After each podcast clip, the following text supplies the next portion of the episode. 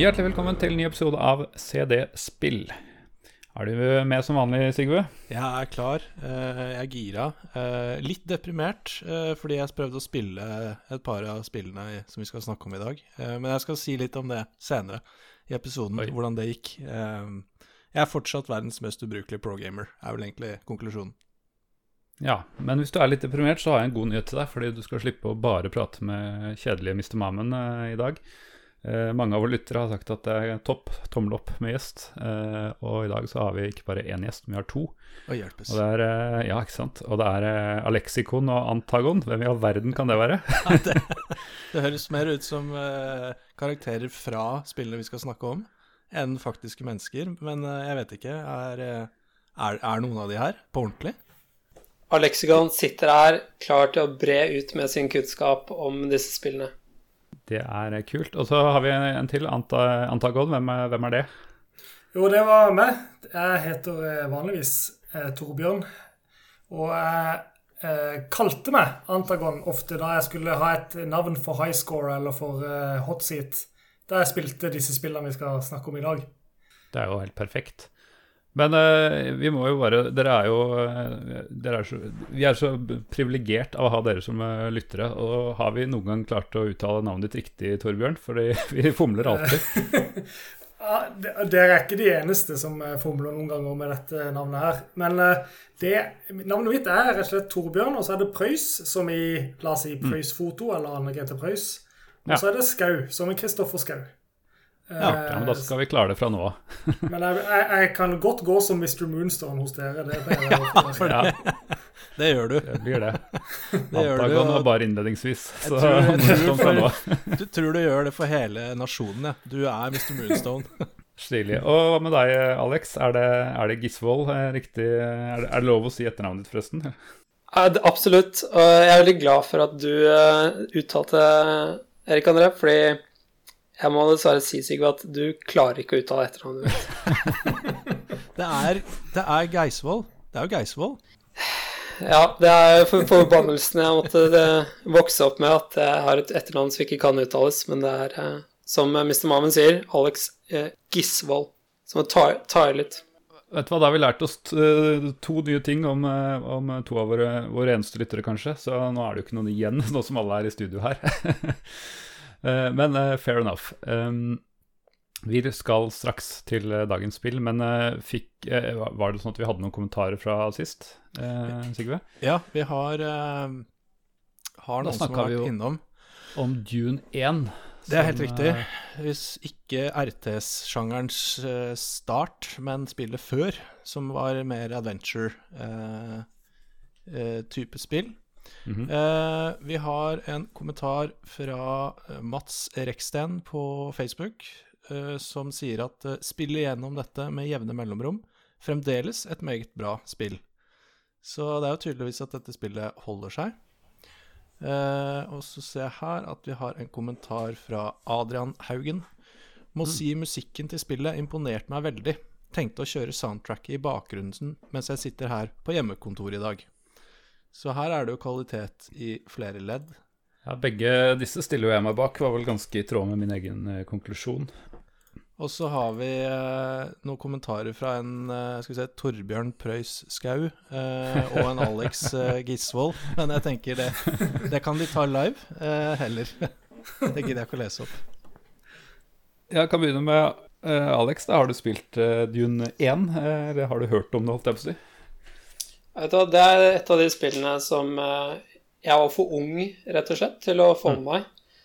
Så jeg er litt, jeg er litt yngre enn dere, og da gikk jeg dessverre glipp av noen av de der. Og da er jeg veldig glad for at jeg kunne sette på CD-spill og rusle en tur og bare høre om dette spillet, for da, da fikk jeg oppleve det på den måten. Ikke verst. Eh, Torbjørn skrev vel eh, langt og bredt, som vi leste opp i eh, forrige, forrige episode, så at du, du liker spillet, det mener jeg at jeg husker. Stemmer ikke det, Torbjørn? Det stemmer veldig godt. Jeg hadde, som jeg nevnte der, så var det slik at da Dune 2 kom, så skjønte ikke jeg hva folk snakka om. Eh, For eh, det rimte ikke med den erfaringa jeg hadde med Dune. Eh, Og eh, jeg må jo stelle meg bak det noen av kommentatorene sier her om, om musikken. Fordi den har jeg har gått så langt at jeg faktisk har tatt opp fra YouTube og på disse tider, Så lagt inn på en liste over spillmusikk, fordi at den, eh, den Worm Science, som han heter, den inne Mm. den er stemningsfull som få, altså. Så ja, Dune 1 har jeg masse, masse herlige minner om. Ja, nei, det er et herlig spill. Ehm, det vi lurer på i dag, er eh, Dere vet den tendensen man er- blir litt for eh, kåt opp i et eller annet skikkelig stilig spill. Blir sittende og sittende og se, glemmer å se på klokka, eller ser bort fra at eh, tiden går, og plutselig er det mange timer siden du skulle, skulle vært i seng. Sikker på at dere har mange kandidater her, men eh, har du klart å velge ett? Kan du begynne med deg, Alex? Ja, altså Nå i det siste har det ikke bare vært sånn at jeg sliter med å legge fra meg det her når jeg skal gå og sove. Altså, jeg sliter fra meg for å legge fra meg spillet Hades, det som kom nå i høst. Det klarer jeg ikke å legge fra meg. Altså, det er, går, det er i lunsjen, det er før jobb, det er etter jobb. Altså, jeg er, jeg er helt hekta. Eh, Har noen av dere, har noen av dere prøvd Hades? Nei, ikke meg. Jeg har hørt ja, Det er all over internett i meme-format og sånn, Uh, så jeg har skjønt at det er en big thing. Men uh, jeg har ikke mista nattesøvn over Hades eh, ennå. Dessverre, kanskje. Gi oss, gi oss en pitch, da. Sånn uh... Ok, kort fortalt, det er gresk mytologi. Du spiller som en sønn av Hades. Du hater pappa, og du vil rømme hjemmefra. Rømme fra helvete. Det er, det er Jeg skjønner hvorfor det har fått Game of the Year mange steder, da. Fordi det er noe enkelt, men samtidig så vanskelig. Det er veldig stor respekt for deg som spiller. Du, du må lære alt på den harde måten. Eh, Litt sånn som hvis dere har har spilt Dark Souls eller den type spill. Og, men samtidig er det en dybde eh, som er at du, du, du føler at det alltid er et eller annet du kan gjøre litt annerledes. Du kan ha en ny taktikk, en ny strategi. Du kan spille på en annerledes måte som gjør at uh, jeg er så nysgjerrig på hvordan skal jeg spille det neste gang jeg, jeg plukker det opp. Kult. Hva med deg, eh, Torbjørn? Ja, akkurat nå så sitter jeg jo og uh, Crusader Kings 3. Og det er en eh, Apropos spillene vi skal snakke om i dag, en behemoth av et spill. Eh, og der eh, har jeg noen ganger problemer med å gå og legge meg. Men, eh, men det er jo ikke et turbasert spill. Eh, så eh, sammen med Europa Universalis så har jeg brukt veldig mange timer på de. Men jeg, jeg, jeg må si at Civilization er nok de spillene som har røvd mest nattesøvn for meg. Fordi der har du en turn som du bare skal ja. gjøre. Og jeg lider fryktelig av eh, det der syndromet som er, som er sånn jeg må, bare, jeg må bare gjøre det ferdig. Ja, ja, ja. Selv om jeg vet at jeg nå, Jeg vinner jo. Jeg, visst, jeg har visst det i tre timer. Men jeg må bare se den screenen. Og da ehm, Da blir det jo slik at man sitter og trykker uten at man egentlig trenger å tenke, da. Og det tredje et spill til som jeg må nevne, er jo selvfølgelig det vi skal snakke om i dag. Det har tatt mye tid, sånn sett. Men uh, la meg se Civilization-serien, da. Den har, eh, den har vært veldig sånn. Ja, det er, eh, det er jo nesten De fant jo opp den sykdommen One More, more Turn. Stammer vel fra, fra Civilization-serien, tror jeg. Den, den diagnosen. Mm. De hadde jo en sånn selvpromotering for Civilization 5, hvor de, de hadde en sånn eh, parodi på eh, anonyme alkoholikere, hvor det var sånn anonyme Bomber Turners. så Ja. det var ganske, ganske morsomt, husker jeg. Ja.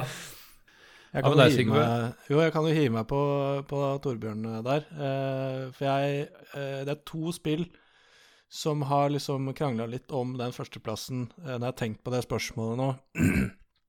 og, og det ene spillet er jo, er jo Civilization. Eh, I mitt tilfelle eh, Jeg har spilt både én og to og tre en del, men eh, det var liksom femmeren av en eller annen grunn. Da, ja. der løsna det for meg. Ja. Jeg tror, jeg tror det, det er det spillet jeg har flest timer i på, på Steam. Det er jeg ganske sikker på.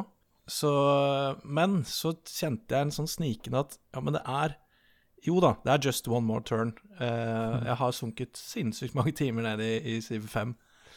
Men Factorio Jesus Christ, det spillet har røvet meg for nattesøvn og holdt på å si arbeidstid. Eh, jeg har ikke spilt det på en stund nå, men eh, når jeg først setter i gang med Factorio, da er det det er ikke turns engang. Det bare går hele tiden. ja. Det bare går og går og går. Du må utbedre, og du må fikse, og du må Ja. Så jeg, jeg vil faktisk eh, Siden Civilization har blitt tatt, da, så vil jeg si mitt spill som tar nattsøvnen, det er Factorio. Det kjenner jeg ikke til, faktisk. Nei, det er et veldig kult Jeg må nevne kort om det, da. Det, fordi det, lista mi besto først av eh, Civilization, og så Faktora fra den lista også. Men eh, jeg skal få komme på et tredje spill her. Men eh, Faktora er et sånt byg byggespill hvor du skal Uh, Hvor du begynner uh, med ingenting, egentlig. Så plukker du opp noen steiner og bygger en ovn, og så putter du, plukker du opp noe kull eller noe brensel, og så, og så plukker du opp noe jernmalm, og så får du metallplater, og så kan du begynne å automatisere dette. og få og så, liksom, Du begynner fra det minste Det er sånn Minecraft, og du begynner med den minste delen, og så, så etter hvert så har du gigantiske maskiner som, alt, eh, som produserer seg selv omtrent. ikke sant? Var det en slags eh, sånn uh, elevator pitch, Sigve? Ja, jeg synes den er Du begynner med jernmalm og kull. Mm. Og så in the end så er jo poenget her at du skal jo flykte fra denne planeten du har landet på, hvor du lager disse fabrikkene. Eh, og da må du bygge en rakett og fylle raketten med drivstoff. Og eh, for å si det sånn, det er noen mil med tech tree mellom det kullet og den raketten. Eh, så det er eh, Ja, det, det tar noen dager, det tar noen uker. Hvis ikke man er sånn crazy speedrunner og, og får launcha den raketten. Men problemet her er jo ikke egentlig raketten, for du skal alltid snike til deg noen speedruns på YouTube og lære deg noen teknikker og få den av gårde ganske fort. Problemet er at det er så forbanna kult å bygge strømlinjeformede fabrikker med belter som går i forskjellige retninger, og som plukker i riktig hastighet og Ja, så det, Ja. det er skikkelig sånn Lego- Lego-sett av et spill, da. Jeg bare skyte skyte inn der at uh, i den grad uh, det kan være en forbannelse å få en eh, god an anmeldelse Så når jeg leste at uh, Mr. Mamen ga Faktorio 10 av 10 hos gamer.no, så skjønte jeg at bare dette her kan jeg ikke installere, Fordi da, da forsvinner livet mitt. Jeg setter pris på at du stoler såpass mye på meg at du, at du bare styrer unna fordi jeg anbefaler det. Ja, altså, hvis det hadde vært liksom åtte, så eh, åtte av ti, da hadde jeg visst at da kunne jeg klart å legge det fra meg. Men når nå får ti av ti av deg, da er det liksom OK. Da, da ja, Da blir jeg litt bæra at, at du sier det på den måten, men eh, ja. Nei, eh, ja.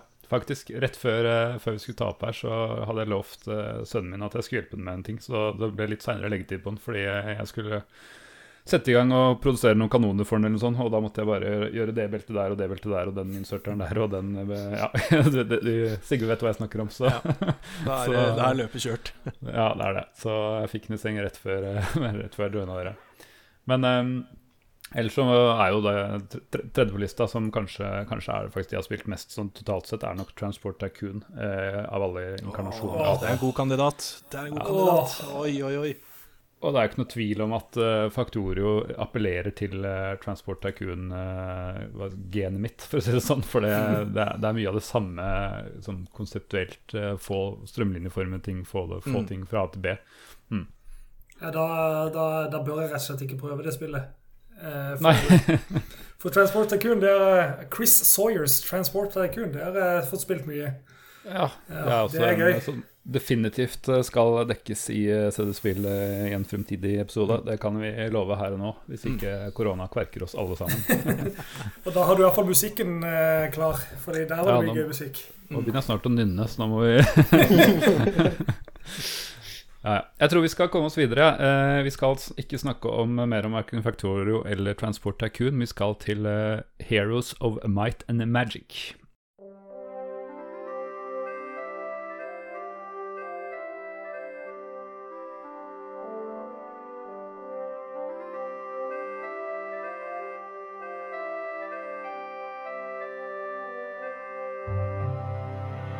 Det kom i 1995, eh, både utviklet og utgitt av eh, New World Computing. Eh, Det er jo som man hører en spin-off fra rollespillserien Might and Magic. Eh, Jeg må innrømme at jeg så vidt har testa en av de, og jeg husker veldig lite av det. Eh, Jeg har spilt Might and Magic. Eh, Riktignok i etterkant av at jeg spilte eh, Heroes-spillene. Eller Ja, delvis samtidig som Heroes 3, da. Eh, så har jeg spilt Might Magic 6, 7 og 8 eh, sånn rundt 2000, alle sammen. Hmm. Og det er jo et eh, Det er et eh, sånn 3D RPG fantasy eh, litt, litt generisk, men det er jo moro fordi at det var basert på Heroes of Might Magic, som jeg kjente så godt. Og, eh, og hadde en del Ja, jeg vet ikke. Det, det, det var litt med at det var en 3D-form som jeg ikke kjente til sjøl så mye, bortsett fra Doom og Duke Nukem og sånne ting. Og eh, før så hadde jeg bare De eneste fantasy-spillene jeg hadde spilt, var ja, IF Beholder og, ja, og litt sånn Ultimate Underworld var det jo, da. Og det hadde jeg jo spilt. Men eh, Så du, du har et party, og så går du rundt, og så slåss du mot monstre, finner skatter, snakker med civilians, har skills eh, som du eh, improver, og iallfall fra og med ja, Might Magic 6 Nå har jeg ikke spilt de før. Eh, det var et ganske langt hopp, så vidt jeg skjønte, fra femåren til seksåren. Jeg tror det var fire år, og så kom syv og åtte ganske rett etter hverandre. Ja, Den første kom allerede i 86, så det er en ganske lang, eh, lang serie. Å, shit. Ja. Ehm, og da, og så var det sånn at når du kom høyt nok opp på en skill, så kunne du gå til en sånn trainer, og så kunne du få trene den opp, og da fikk du masse bonuser eh, for å Ja som var veldig nyttige, eller ikke så nyttige rundt omkring da. Og så kunne du fly rundt, og det var litt sånn open, det var veldig open world, og det, det var liksom ikke noe som man hadde vært borti så mye av på den tida. Så du kunne liksom bare fly hvor som helst hvis du hadde flight, eksempel. Ja, det er kult. eh, ja, og så var det på, fra syveren så um, På syveren så begynte du bare på en sånn liten øy uh, på første level. Og det var litt gøy, fordi da jeg, jeg liker liksom at jeg er litt begrensa i starten, i stedet for at det er helt åpent med en gang. Ja, det høres ut som en sånn god tutorial å bli kjent med systemet, litt trygge, trygge omgivelser.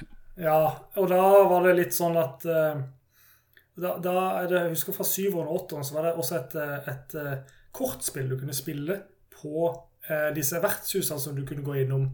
Og det het Arcomage, og det husker jeg at jeg likte veldig godt. Det var veldig sånn gøy eh, type spill. Litt sånn Gwent-aktig, eh, hvis dere kjenner det fra Witcher 3. Mm. Eh, bare i en litt enklere form, da. Så jeg husker det, det var såpass gøy at jeg kunne liksom tenkt meg å spille eh, utenom. Eh, på den tida, iallfall. Det er ikke sikkert det holder seg i dag, for jeg har ikke spilt det på minst 18 år.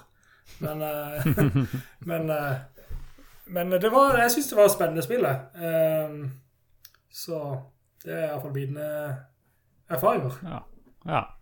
ja, for det som er morsomt, er at eh, jeg leste Det er jo ikke Heroes og Might Magic er jo ikke den eneste spin-offen fra Might Magic-serien. Eh, selv om jeg ikke har hørt om eh, mange av disse, så nevner jeg i fleng andre spin-offs. Crusaders of Might Magic, Warriors of Might Magic, Legends of Might Magic, Might Magic Heroes Kingdoms og uh, hva var den siste? Uh, Dark Messiah of Might Magic. Så det er tydeligvis en ganske stort sånn expanded universe, hvis du, Jeg hvis du ser tipper nedi her. fellesnevneren. Ja. Det virker som utvikleren her uh, har brukt Warren Buffett sin forretningsmodell. Skyt på alt. Eh, og da vinner du med noe av det. Jeg tror vi trygt kan konkludere med at Heroes er den mest populære, i hvert fall. Hva er det du hadde på hjertet, Alex? Altså Hvis jeg skal få lov å banne i kirken, så kan jeg ta opp uh, Might and Magic Chess Royale, som er, et, uh, som er et mobilspill som altså uh, Bare kast i søpla, er, er dommen. Ja, så, sånn gjennomsnittlig mobilspill, med andre ord. Jepp. Ja. Men da eh, Heroes of Might Magic ble unnfanget, så, så hadde vi jo faktisk lagd en slags forløper. Et, uh, et uh, ganske lignende spill før. Eh, du hadde vel uh, utforska Kings Bounty litt, Alex? Hadde du ikke det? Absolutt. I og med at jeg er en kjempestor fan av Heroes of Might Magic, så jeg måtte jeg fordype meg litt i hvor er det det kommer fra. Og Kings Bounty, som Det har veldig mange likheter du kan, du kan veldig tydelig se at det er en forløper til Heroes of Might and Magic. Um, du, har, eh, du har liksom det verdenskartet du beveger deg rundt på. Du har, bor i et slott. Du eh, skal inn i byer. Du rekrutterer ulike um, ja, folk til hæren din, da. Eh, Alt fra troll til eh, vanlige små bønder med, med høygaffel. Og veldig mye sånne rollespillelementer eh, involvert, da. Mm. Det er jo et ekte DOS-spill, så um, Ja. grafikken er jo er egentlig ganske fin. eh, Sånn sett, det funker liksom bra, men samtidig, hvis du vil ha den nostalgien, så ville jeg kanskje bare spilt Heroes of Might and Magic 1. Ja, kan tenke meg det. Jeg kan jo sånn raskt uh, forklare i hvert fall Heroes og Might Magic Magic i hvordan den eneren funker, og for så vidt alle gjettfølgerne, eh, og sikkert Kings Bounty òg, for det er, jo, det er jo et rollespillelement uh, her, men det er jo blitt et mye strategi- og taktikkspill på, på toppen. Og du har jo som du sier en world map hvor du, hvor du skal erobre og utbre utbrede det, sånn som mange tilsvarende sånn 4X-spill. Eh, og så har du den tak tactic view, hvor du, hvor du eh, går til angrep, da, hvor du styrer hver, hver enkelt enhet. Um, og grunnen til at det heter Heroes, er fordi du må ha en, det er jo lagføreren, han som følger alle de små enhetene. Uh, og han, uh, eller hun, har jo også da spells som kan snu Hvis du ligger litt dårlig an, så kan det kanskje være til stor hjelp å få litt ekstra skade eller litt rustning, eller et eller annet magisk spell som som kan turn the tide. Eh, og så er det jo veldig sånn på det overview-mappet så er det jo sånne ting som eh, ja, mines, som gir deg penger eh, og andre ressurser. Som du inni i Er det castles det heter? Altså i borgene til, eh, til eh, heltene dine. Eh, kan kjøpe enheter og oppgradere og bygge nye bygninger som gir deg flere enheter, og så, og så. Så det er vel sånn kort fortalt hvordan ja, tror jeg slår alle Hairs of Might Magic-spillene eh, fungerer. Ja, og det- jeg liker så godt med disse spillene, er det at det føles litt sånn virkelig, da. Du må hente stein, du må hente trær, du må uh, Du må hente gull. Altså, det føles i, Det føles ikke som de prøver å forenkle noe. Du Ja, det er jo Det er jo eh, det, har alle, det har så mange elementer som er eh, Som iallfall resonnerer veldig hos, hos meg. Det er liksom utforskingselementet. For du har jo eh, Fog of War eh, i starten. Eh, og så utforsker du, finner du nye ting, og så vet du ikke hva som er rett utenfor.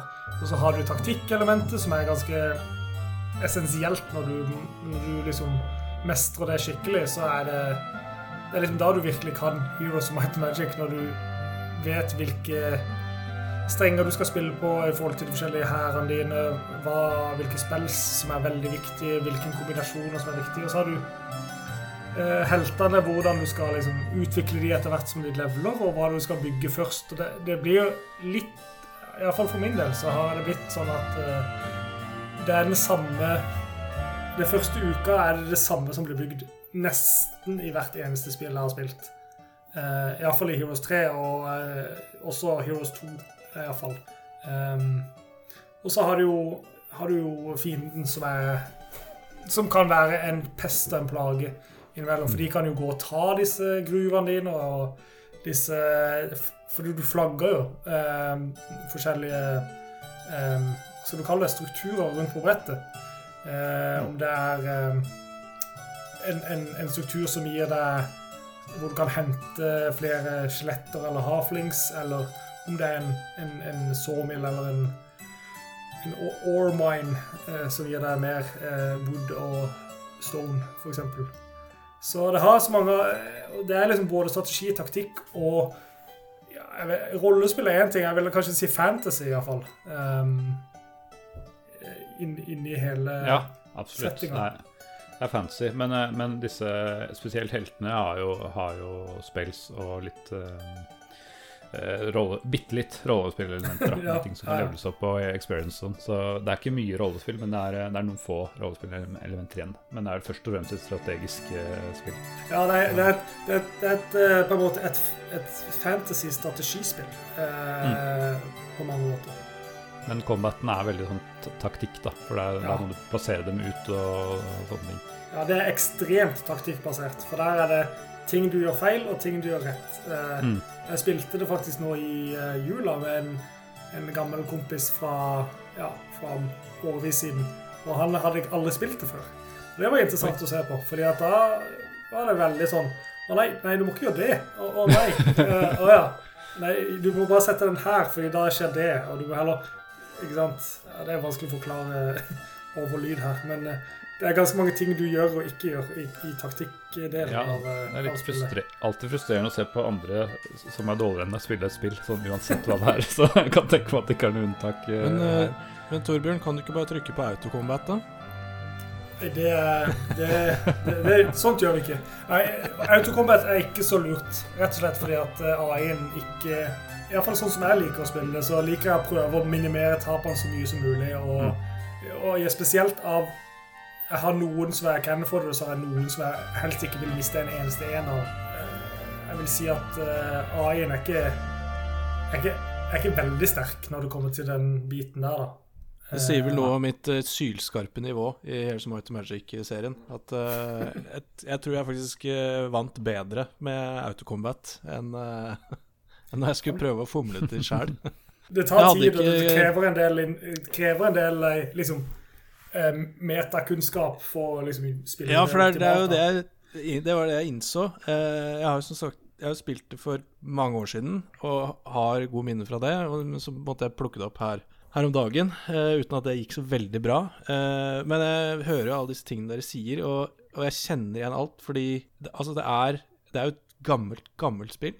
Men jeg fant meg selv i å, å dø, og så bare Nei, men jeg vil spille mer. Jeg vil prøve igjen. Fordi det er så immersion, da. Du er så Mm. Inne i den fantasy-verdenen.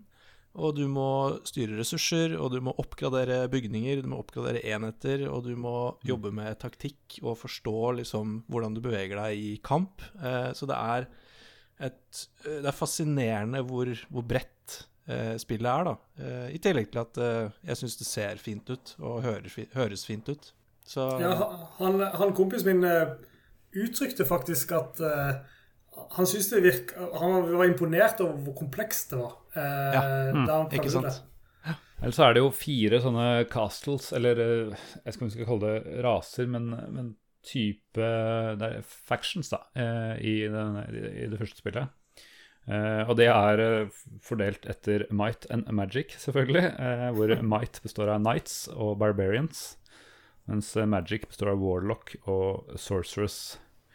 Eh, og hver av disse har sin egen ja, castle, med, hvor de kan bygge sine egne enheter. Og det er vel kanskje litt uh, uh, litt andre forskjeller og hva slags helter de har, først og fremst. da. Men ellers så er jo strukturen ganske lik, at du må bygge bygninger inni disse castlene og oppgradere fortet ditt på, på best mulig måte, og helst i riktig rekkefølge. eh, Og rekruttere nye enter, og ta med, rekruttere en helt som kan ta med disse ut i kamp, og helst eh, slå de andre eh, Ja, dine motstandere, da, som kanskje består av disse andre eh, faksjonene.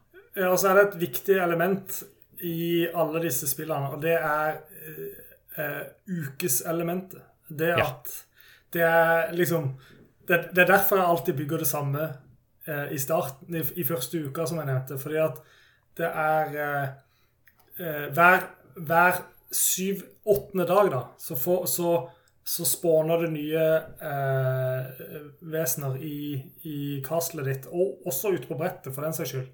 Eh, fordi det står masse neutral eh, eh, monstre rundt omkring på brettet også. Det å time disse tinga er veldig viktig. For eksempel hvis du mister Det, det er lurt å ta en, en fiendes eh, castle før den syvende dagen. Eller før den åttende dagen, da. For i meg det er en ny uke, så, så upper han jo mengden med units i byen. ja, så da kan du bygge jeg holdt å si, hans units når du har tatt byen Ja. hans. Så hvis du, tar det, hvis du greier å ta det før han får gjort det, hvis du tar det dag syv, da, så er det jo Og han akkurat ikke rekker å komme tilbake for svaret seg, så får du, når det er en ny dag, bruke opp hans units den, for den uka, ikke sant? Men er den ukespånen er den global? Så hvis du, la oss Ja. si du har fire castles, da, og så har du, eh, har du eh, dwarf, eh, sånn dwarf mound i alle fire, så kan du bygge nye dwarfs i alle fire castlene i det der nye ny uke. Ja. De er Ja. til Hver eneste dwelling er Ja. kun tilknytta den eh, Riktig. byen. Riktig. Som du skjønner, så jeg, prøve, jeg, hadde prøvd, jeg prøvde å feile her om dagen. Der syns jeg Sigrid tar opp eh, noe, noe viktig, og en av de grunnene til jeg syns at at disse spillene er så bra, er, er, er nettopp det at hver eh, faksjon har ulike units, og de har sine styrker, de har sine svakheter. Noen har flere range units, andre har, eh, har færre. Og for det første så ser de innmari kule ut. Jeg, jeg, jeg synes det er kjempekult å ha en kentaur og en, eh, og en hydra.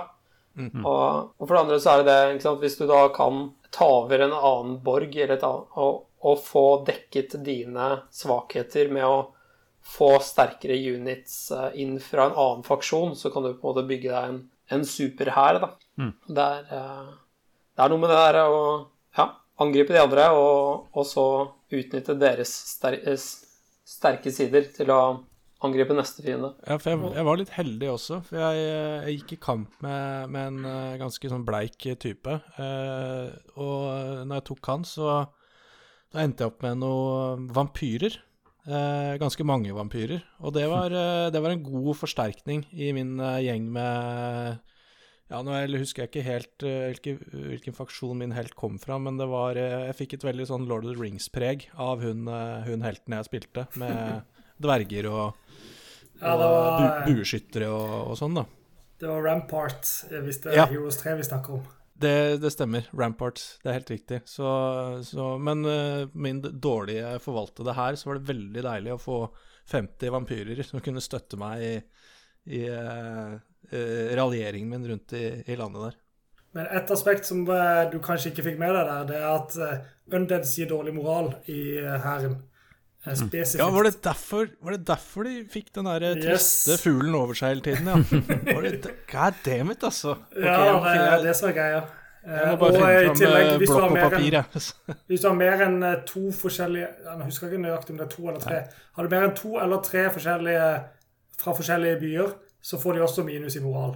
Ja, jeg, penn og papir, jeg noterer meg eh, jeg Men det er jo Heroes 3, da. Eh, Ja, Ja, nei, men det er sånn allerede fra, hvert fra toeren at, eh, at hvis du har alle i samme, så får du en eh, positiv modifier. Hvis du har alle fra samme, samme borg. Eh, hvis du har fra mange forskjellige, så får du minus. Hvis du har noen fra den, den Necromancer-saken, så får du, får du også negativ, da. Så, Så hvis ikke får- alle er det igjen, da. Du får ikke bare debuffs av å bruke enheter fra en annen faksjon, men du får også debuffs av å bruke enheter spredd fra forskjellige Mm. av dine egne byer. Ja, nei, nei. Ja, jo, jo, det er riktig. Ja, Ja. Du riktig. får debuff Ja. da også? Ok. Så lenge de er en annen faction-by, på en måte. Mm. Ja, ok, ok. Jeg skjønner. Jeg skjønner. Så hvis du har to Night-byer, eller to Ramparts, så kan du blande de så mye du vil. Mm. Men hvis du har Skjønner. en Rampart og en eh, Barbarian og en Knight, så er det tre forskjellige. Nettopp. nettopp. Du eier alle byene, men eh, det er helt forskjellige eh, hva skal jeg si, klasser, så de liker ikke hverandre. De går ikke overens. Nettopp. Så det som er kjekt, er at du kan ha flere heroes med flere forskjellige hærer, eh, som kan være må- måten å gå på det, hvis du har nok ressurser til å opprettholde. Eh, eller så må du bare ta de beste enhetene og bare tåle litt modifiers hvis du, hvis du vil ja, blande, blande flere factions. Nå vet, husker ikke jeg hvordan det er i, i eneren, men eh, i treeren så kan du jo eh, bygge helten din og få økt moral, og du kan plukke opp eh, moralboost på kartet og sånne ting.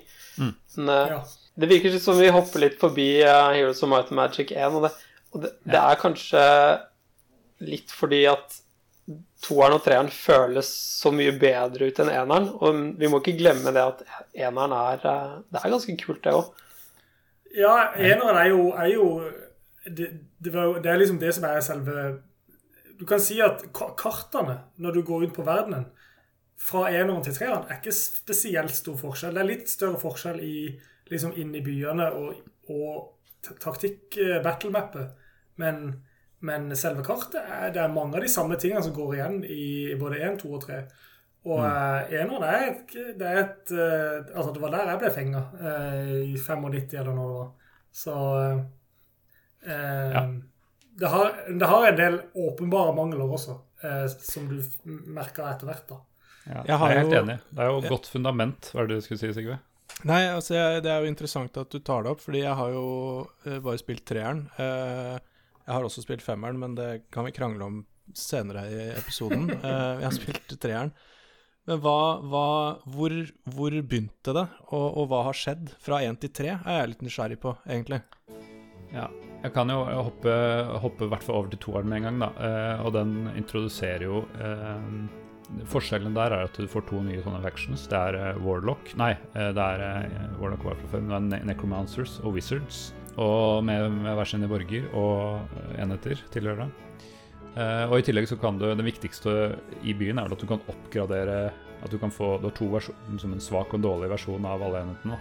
sånn at du kan Eh, du kan oppgradere dem, og det er også igjen lurt å gjøre før du kjøper dem. fordi når du først er kjøpt, så tror jeg, tror jeg de er stuck med, med, lower tier eller upper tier.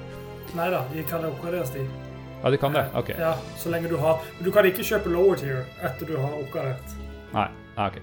En ting, før vi, før vi forlater Edon, så må du sies at når du har For dette er jo dette er den største eh, mangelen med Enon, og det er det at eh, du har Eh, du, du flagger forskjellige eh, gruver og, og den slags ressursområder. Og da får du kanskje én gem og to wood hver dag. Og det bygger seg opp. Og så trenger du en viss mengde av resources for å bygge en ting. Men i eneren så fins ikke eh, Marketplace. Så du ah. kan sitte der med 250 wood, men du mangler fortsatt sulfur, så du kan ikke bygge den tingen du vil bygge. Eh, og det er noe som de introduserte senere i toeren og treeren. Det er mm. veldig, veldig, veldig viktig forskjell, egentlig. Og også det at eh, byene er veldig De er veldig like i Erlend. Du får forskjellige units på de forskjellige factionsene, men ellers er de veldig like. Og det er liksom ofte et stort Det er ofte pengeproblemer, fordi at du kan få de tusen du får eh, mm. hver dag. Og det er liksom Det er ikke nok til å Ja til å bygge og kjøpe det du trenger. Det er litt sånn monopolpreg over der. At når du først eh, endelig føler at du har nok ressurser, så er du egentlig bare fordi du er på winning track, og du, du kan nesten ikke tape, for da har du fått allerede nok eh, dominion til å, til å gå seirende ut. Så det er litt sånn når det begynner å bli skikkelig gøy, for du har tenkt på det, så er du egentlig, er du egentlig ferdig. Sånn, det er bare jobben igjen å, å gå bort og banke de. Finte heltene. I hvert fall min erfaring når jeg har spilt igjen nå. Men altså da jeg var en liten gutt og spilte dette her, så var jo det det aller morsomste. Det var jo mm. det å knuse Enig. motstanderen og ikke Altså, jeg skulle ikke tape Jeg skulle ikke tape en peasant, ikke sant? Det var eh, Selv om de tapte det jo 100 av i en, en krig, så jeg skulle vinne uh, uten tap. Altså det var 'leave no minion behind'. Det er, eh, gleder et casual-hjerte å høre, for det er uh, samme game-feelen jeg også lik, liker og likte. At uh, jeg har full kontroll på hele brettet. Jeg kan gjøre hva jeg vil, og bare det er gøy. Ja, jeg kan vinne i fire turns, men uh, jeg bare koser meg med å være the big boss. Jeg kjenner meg veldig igjen. Når, selv om jeg vet at nå har jeg cornered him i båga si, så skal jeg liksom gjøre det så smadrende som overhodet ja, ja, ja. det er liksom Skal liksom makse ut alt, og så eh, kan jeg si meg fornøyd.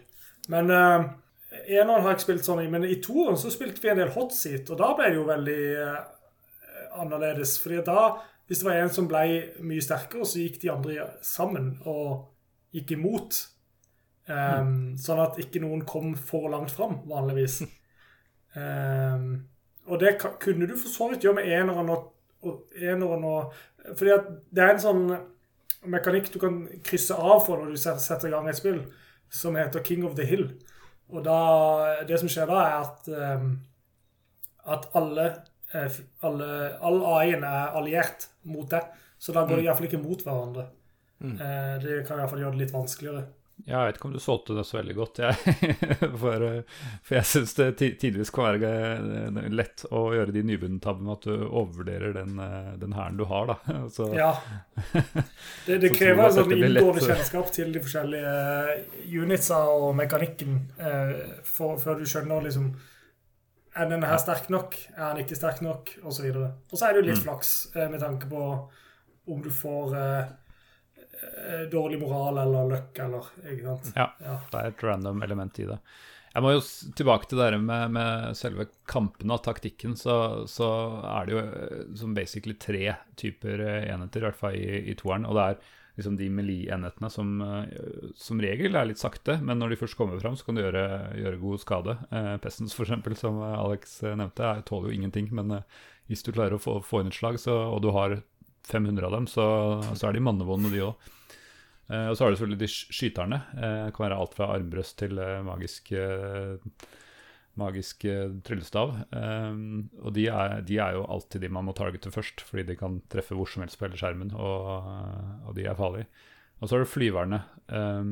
Og de, det som er litt gøy med de som, de som kan fly, er at de kan plassere seg hvor som helst på kartet. Da. Og da må du alltid plassere dem Hvis du skal vinne der, så må du alltid plassere dem i nærheten av skyterne. Fordi de som kan skyte, kan ikke skyte hvis de har noen inntil seg. Så, så lenge du bare prøver å sørge for å for å ringe dem inne på en eller annen måte, så, har du liksom nøytralisert de litt. De kan fortsatt angripe eh, li, men det er ikke like effektivt. Ja, og um, det hadde jeg glemt, men da jeg prøvde å spille toeren her nylig, så, så fant jeg ut at eh, flyverne, de kan For i treeren så er det ikke slik, og ikke Jo, kanskje i eneren, det vet jeg ikke, men at, at flyverne kan fly over hele brettet på taktikken.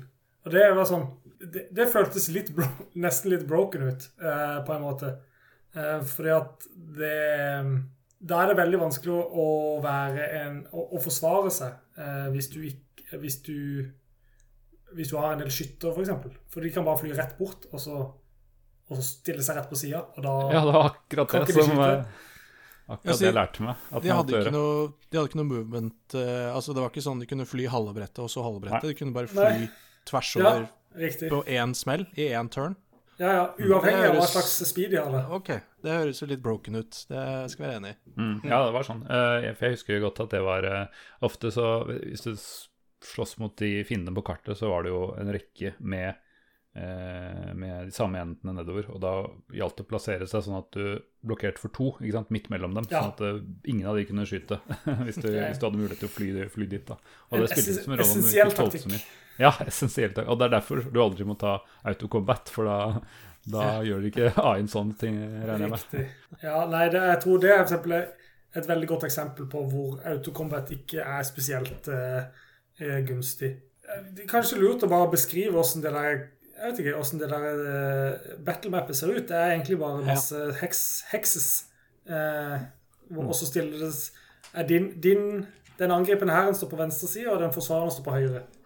Uh, og så må, de bare, må de bare flytte units eh, mot hverandre. Og eh, uniten er bare én sprite, og så er det, så det et tall under, det er antallet du har. Og så går det nedover etter hvert som de blir drept. da. Stemmer det. Og så spillet det er, hvis, du, hvis du er interessert, da, så kan du se at det er veldig sånn Det bærer på Eller bygger på de rollespillelementene som det eh, forløperne i Mighty Magic hadde. At du kan liksom gå inn og se på hver stat på hver minion. Altså hvor mye attack har de, hvor mye defense har de, hvor mye speed har de. Ja. De med speed, høyest speed, de eh, beveger seg først. Og da var jo en av de viktige tingene var jo å få inn det første slaget, sånn at du fikk drept noen på motstanderen sin side før de fikk slått tilbake. Ja, det er også et essensielt taktisk element. Det der å kunne prøve å Iallfall hvis du har én sterk, rask hær, eh, altså ikke en hær, men en, en enhet, da, så kan du sende han mot noen som du kan ta kanskje til alle av. Og da får ikke den uh, retaliater med den, med den uh, enheten, og du har liksom Ja, at du one-shotter den, ja. Ja, så du det er, liksom, det, er noen, det er noen sånne key elements som man, alt, som man alltid bruker når man er i combat. Det er det å sette, sette en unit mellom to skyttere, sånn at ikke, ingen av dem kan skyte. Og så er det det å få inn det første eh, og prøve det der, det der med å ta så mange som mulig på første, eh, første slag, da. Det er litt sånn eh, fancy sjakk, egentlig. Du har Ja. jo basically et sjakkbrett eh, med gress eller eh, ja, alt ettersom hvilken biome du er i. Og veldig, veldig spesielle sjakkbrikker, vel å merke. Ja, og det kan være litt hindringer ute på brettet også, at du må gå rundt og sånn. Nettopp. Også det å bruke spels på en, eh, på en taktisk riktig måte er også veldig viktig. Og, og timinga som, som Alex sa her nå, er også veldig viktig. ikke sant? For hvis Du bruker, du kan bare kaste én spill per hver, hver battle går i runder, så alle unisene kan få movement, moving hver runde. Og så får alle heroesene én spill de kan kaste hver runde. Og da kan det ha noe å si hvem som kaster den første spillen. Og, eh, fordi Hvis noen kaster blind på mine, så kan jeg kanskje kaste anti-magic eller uh, dispel på den som fikk blind. Men det må være da eh, Det blir litt søkt eksempel, da. Men da, det må jo liksom gjøres før den får muligheten til å bevege seg, for ellers så mister han moven sin. Mm. Um, og det er ganske mange Det, det, det, det, det er noe jeg ofte har likt veldig med Heroes. Det er det at det er, det er veldig mye taktikkeri i akkurat disse tingene. Hvordan du legger det opp med hvilke forutsetninger du har og sånn. Jeg er helt enig med deg. Det høres ut som vi er på god vei mot uh, Heroes 3 snart. Men jeg tenkte å nevne bitte litt om uh, liksom Lauren hittil uh, i disse spillene. for i det første spillet så er det vel en slags campaign på hver av disse Night, Barbarian, Warlock, Sorceress. men jeg, den, det er egentlig bare flere serier med oppdrag hvor du skal ta alle motstanderne dine. Så det er ikke så veldig mye bakgrunn der. for det som er i Heroes 2, er at da um, jeg tror det er Knight som liksom er den canon uh, victory der. Uh, da var det lord Iron Fist, eller King Iron Fist, som uh, tok over riket Enroth, eller noe sånt. Ja. Og den he oppfølgeren heter Price of Succession, heter den ikke det? Price of Loyalty. Price of Loyalty, loyalty ja. Price of Loyalty var det. Eller er det oppfølgeren? Nei, Succession Nei. Wars heter Heter Ja, Expansion heter Price of Loyalty. Ja. Uh, The Succession Wars. Og det ligger jo, det er veldig klassisk, uh, klassisk setting, kanskje. Uh, det er jo da to sønnene til denne døde kongen som, som, Det er ikke noe tvil om at den ene er god den andre ond. Det sier de med introen. Roland og Archibald. Evil Archibald. Som da prøver han ene å rane til seg Archibald, rane til seg tronen. Og så velger du hvilket lag du skal være, og så er det en kampanje basert på det. Og det er litt mer sånn struktur i de kampanjene. kampanjene det er ikke sånn at erobre alt for å vinne. Eh, og du får litt valg underveis. Eh, jeg tror Hvis du er snill, så kan du alliere deg med er det dverger eller noe sånt tidlig i spillet. Hvis du velger å ta, gjøre visse ting. Og da, hver gang du møter dverger som uh, står plassert, så vil de joine dine rekker. da. Så det er en del sånne ekstra elementer på toppen som du kanskje ikke får hvis du bare spiller multiplayer eller sånn. Men ja, jeg må si at jeg, jeg, jeg spiller ikke dette for jeg syns det er så utrolig kul law, eller uh, universet liker jeg så godt. Jeg må innrømme at det har gått veldig over hodet på meg. Det, det, er mulig at de ble utforska mer i, i Might and Magic-serien. da. For uh, det, det, har egentlig bare vært en sånn setting for meg, det her. Altså, jeg husker jeg spilte gjennom kampanjene fordi at altså, på den tiden jeg spilte dette her, så hadde man ikke råd til å kjøpe nye spill, så man spilte det spillet man hadde helt til man hadde spilt gjennom det tre ganger. Mm. Um, og, men jeg syns det var så forvirrende, fordi historien går liksom litt sånn frem og tilbake mellom uh, Might and Magic og Heroes of Might and Magic. Så det, det, var masse sånn ting jeg ikke visste. Jeg hadde ikke noe forhold til disse karakterene. Og så, uh, så spilte jeg jo gjennom historien i, i toeren, og så, um, og så fortsetter liksom historien i et Might and Magic-spill som jeg ikke visste at det eksisterte, og ikke visste at historien fortsatte der. Så jeg syns det var litt rotete. Etter hvert så bare re, når, når noen andre Ubisoft etter hvert overtok eh, serien, så tror jeg det bare reboota hele greia. Så, så det kan at det fins flere forskjellige universer i disse seriene. Mitt, mitt eneste forhold til law uh, i den serien her er at uh, jeg fikk en un unskippable eh, videoscene eh, når jeg skulle prøve å spille Airs of Mighty Magic 3. Ikke Space, ikke Enter, ikke Escape, ingenting. Jeg måtte se på Det var jo litt koselig, da, å se fancy datagrafikk fra 90-tallet, men eh, Og der var det en eller annen dame som slåss mot en eller annen fyr og noe skip og noe Ja, et eller annet. Men den var unskippable, da. Jeg vil bare si det. Kunne ikke huske at han så, var så dårlig, eh, den der introen der, med hun, hun dronninga som går rundt på et eh, slagmark, på en slagmark. Ja, stemmer. Og så, og så ser hun liksom restene av en slagmark, og så ser du flashbacks til hvordan eh, på en måte det hun ser, har, har liksom gått for seg. da. Nei, altså, det, dette, denne aggresjonen er fersk. Dette er fra tre dager siden, fordi jeg bare skulle spille litt uh, og ble tvunget gjennom men, ja, er. Eh, den, men, men den, eh, den cutscenen, da Uh, Jeg tenker hvis jeg, hvis jeg, skrur klokka tilbake opp i knotten, så hadde jo det vært noe av det feteste jeg har sett eh, på 90-tallet. Eh, med fet 3D-grafikk og spennende stemning og ja, i det hele tatt slagmark, vold og dramatikk. Eh, altså, det er bare å huske hvordan de cutscenesene i Warcraft 1 var, så, oh. og de var jo dritfete. Så, mm. så, det er Eh, det er bra, men eh, jeg bare liker ikke unskippable cutscenes. Eh, vi toucher litt innom musikken i toeren nå, før vi hopper på treeren. Eh, for, for den er litt uvanlig, fordi de har eh, inne i byene så har de opera, opera, operasangere i teamene sine. Så hvis du er inne i Sorcerers by, så begynner en operasanger å synge tvert, og alle de andre også. Eh, og det var ikke noe som akkurat resjonerte meg sånn fryktelig mye umiddelbart. Men eh, som eh, alle mulige sånne spill man Eller lyder man hører og hører, så, så ble jeg liksom ble litt glad i det etter hvert. Og det er litt pussig, fordi når de ga ut, kanskje som et resultat av dette, jeg vet ikke, når de ga ut oppfølgeren som vi var inne på som heter Price of Loyalty, så bytta de ut alle soundtrackene på alle byene med en litt annen versjon av det samme. Eller eh, det var, det, det var nytt. Jeg minna ikke det forrige i det hele tatt, bare bitte litt sånn stemning.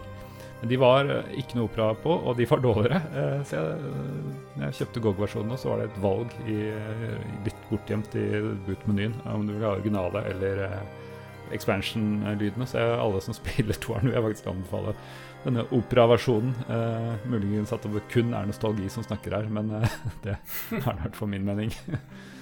Ja, eh, før vi forlater toren, så har jeg faktisk en eh, en anekdote som er liksom, Jeg vet ikke om det passer seg, men eh, det er en fra en hot Kjør på. seat, en hot eh, session vi hadde med noen kompiser. Og da, eh, Vi var vel kanskje 17, tenker jeg. Og eh, for i Heroes of Might Magic 2 så var det Det var liksom Du hadde factions, og så hadde du noen nøytrale units. Blant annet Ja. du hadde Rogue, og så hadde du Nomad.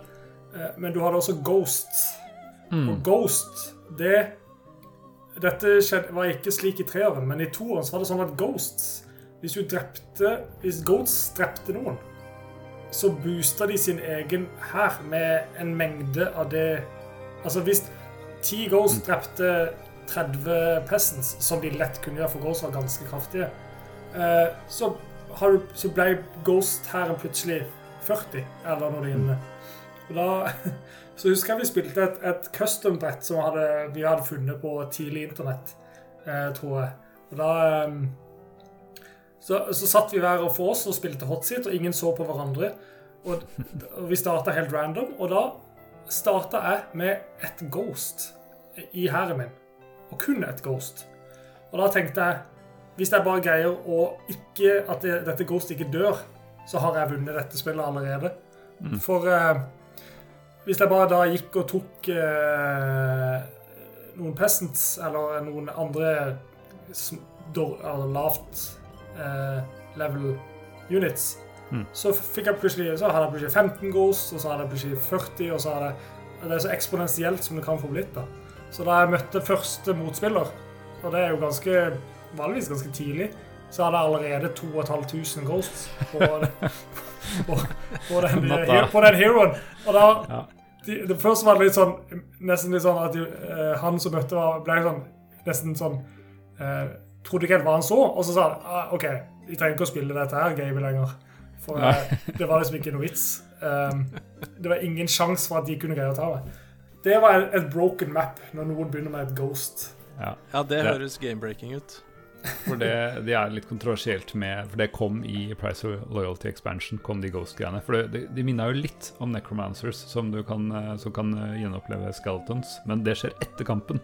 Uh, men dette skjer jo i Men i Ja. kampen, i det taktiske viet, så de blir jo sterkere underveis. Å ja, du får, de, du får kontroll på de in, in, in game, holdt Ja, si. Ja, det er du dør, så er du sterkere. Okay. Det er tall som bare går opp i battle map, på battlemappet mens du dreper andre. Nei, det var helt klart feilbalansert. Så det er nok en grunn til at de switcha det om i eh, treeren, som du sier. Og eh, for mitt vedkommende så, så ender Heroes of Might and Magic-karrieren min på toeren. Jeg har ikke noe god forklaring på hvorfor jeg har unngått eh, Eller ikke har fått med meg de etterfølgende spillene, men jeg har veldig lyst til å høre, for jeg, eh, veldig mange sier at treeren er det beste i serien. Så ja, det er lenge siden jeg har hørt deg, Alex. Kan ikke du eh, fortelle litt eh, hva, hva Heroes of Might Magic 3 er for noe? Og hva, hvordan det skiller seg fra de to første? For meg så er kanskje Heroes of Might Magic 3 verdens beste spill. Og det Du aner ikke hvor mye jeg har gledet meg til å snakke om dette spillet, fordi dette spillet spiller jeg hvert år. Tar det frem eh, en eller annen gang i løpet av året når jeg kjeder meg. For det er altså Det er så mye det er Og det, jeg syns det er så gjennomført. Det liksom bygger videre på dette i, i, fra toeren, og bare gjør Jeg syns det bare gjør alt bedre. For du, du har flere factions, og hver faction de føles så unik. De er så kule units. Har, det er så mange ulike måter du kan spille på.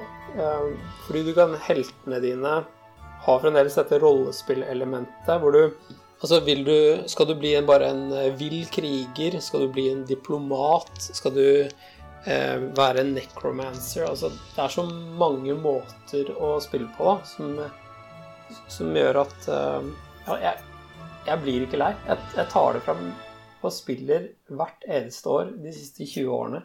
Og jeg kan snakke om dette her i mange timer, så jeg vet ikke helt hvor jeg skal begynne engang, for jeg, jeg er så glad i dette spillet. Men hva er det som gjør at du spiller det For det, er et veldig gammelt spill, og det er for så vidt eneren og toeren også.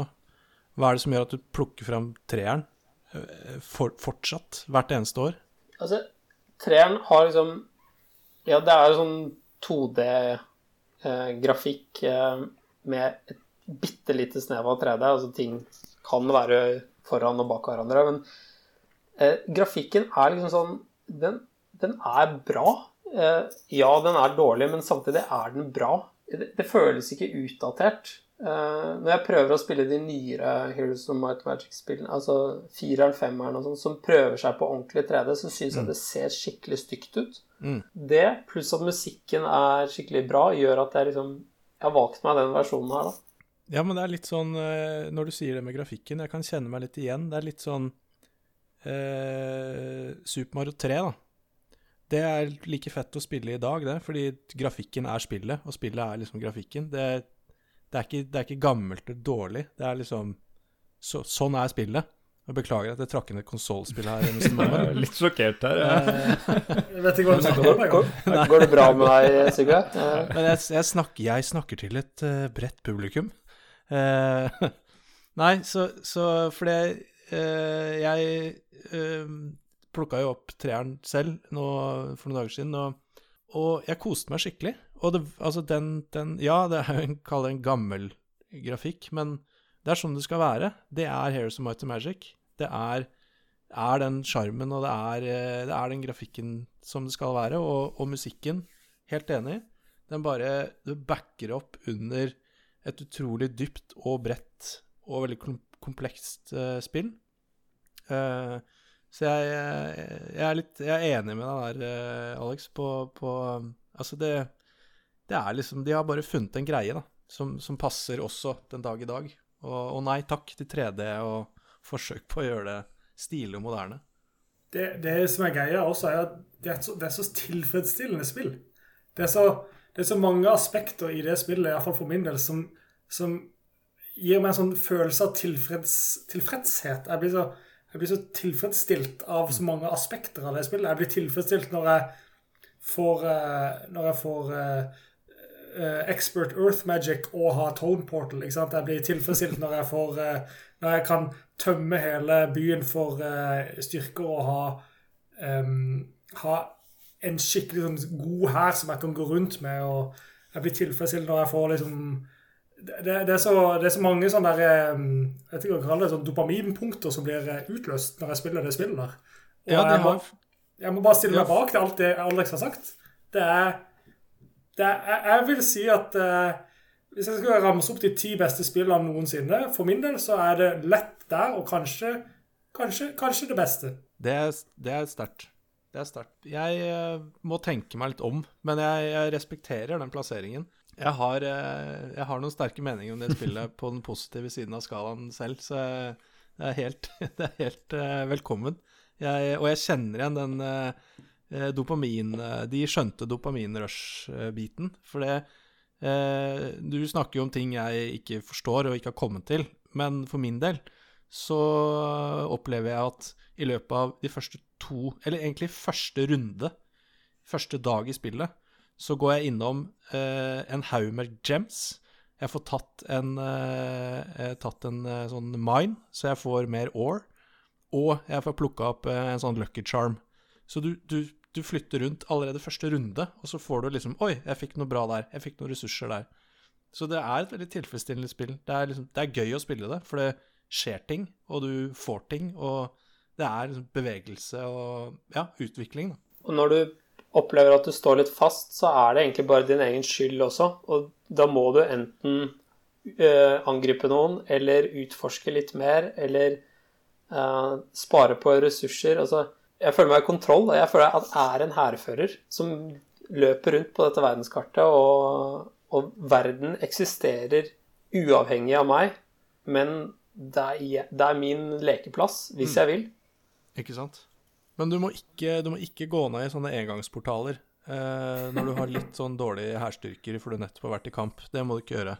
Og så plutselig er du i undergrunnen og slåss mot eh, high tier fiender. Eh, ikke gå inn i engangsportaler før du er helt sikker. Lite altså, tips her. Veldig morsomt at du nevnte det. fordi Jeg husker jeg spilte dette på et tidspunkt hvor jeg knapt nok kunne engelsk. Og jeg ønsket meg en ordbok til bursdag fordi at jeg skulle klare å spille uh, Heroes of Might and Magic bedre, sånn at jeg ikke skulle gjøre den typen feil. Du kan, du kan tenke deg foreldrene mine som uh, kid på ni år ønsker seg ordbok i engelsk. Ja, ja det er, da er det bare å forsterke. Det er bare å kjøpe den ordboka. Hmm.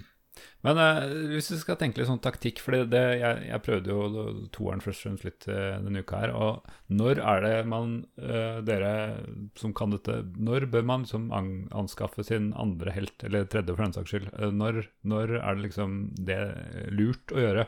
For jeg, jeg skjønner jo at det er store områder å beskytte hvis du ikke har mer enn én, men så har du kanskje ikke nok ressurser til til, eh, til, å ha ordentlig her i begge. da. I hvert fall sleit jeg med det dilemmaet. Har du noen gode innspill der? Ja, du, du kjøp, Jeg kjøper alltid andre helten samme, første dagen. Um, ja. Fordi at du, du, vil ha én helt som du fyller på med styrker, og som du lager som hovedhelten din, og som du uh, utvikler skill-messig og um, magimessig, og bruker du han til å ta uh, farlige units, da. Og så har jeg, iallfall i starten, så har jeg en annen helt som jeg har én kjapp unit på. La oss si en eh, La oss si hvis jeg, hvis jeg spiller Tower, da, så har jeg en Obsidian Gargoyle på han. Og så sender jeg han rundt for å plukke opp alle tingene eh, som ligger på brettet som ikke er farlige. Slik at jeg liksom samler inn så mye som mulig før fienden får tatt dem. For de er jo engangsting ofte som mm. ligger rundt. Og så, men er det ikke veldig sårbar da, men det er han ene som har ikke noe forsvar? hvis, jo, jo, hvis han er jo det. Og du må jo avveie den situasjonen, da, selvfølgelig. Eh, men i starten så jeg vet du at det er en stund til du ser den første fienden din. Sånn, mm. Altså AI-fienden, da.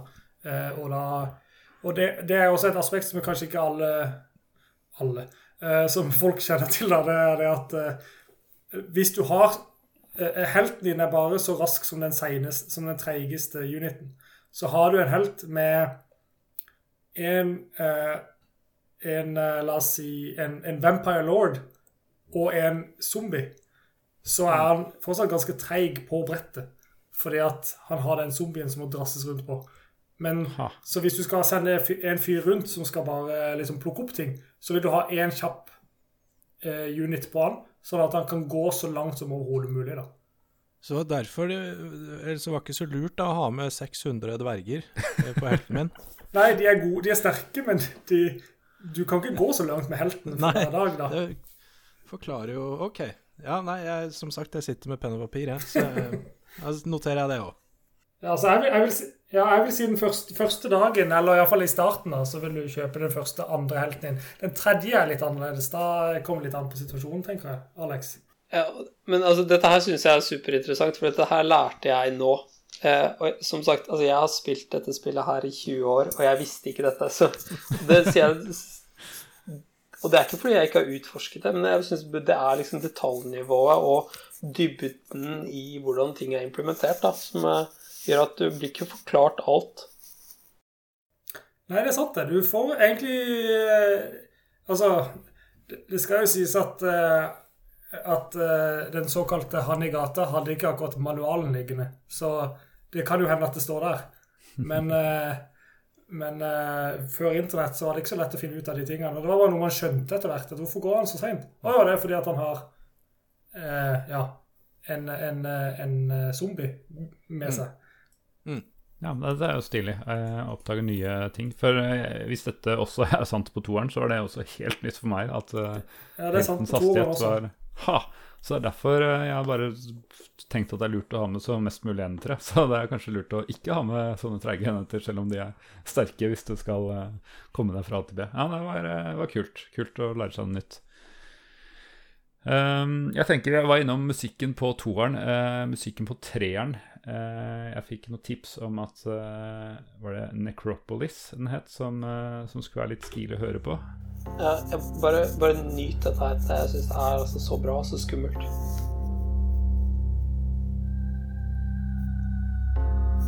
Jeg får frysninger. når- Og det som er greia også med mye av musikken i byene, er at den utvikler seg så veldig.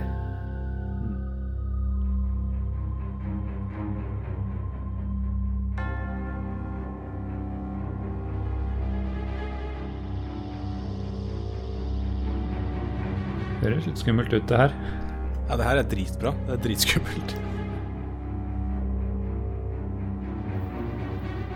Nei, det er ikke noe opera her, så null av, null av ti. Fall igjennom. Fall igjennom.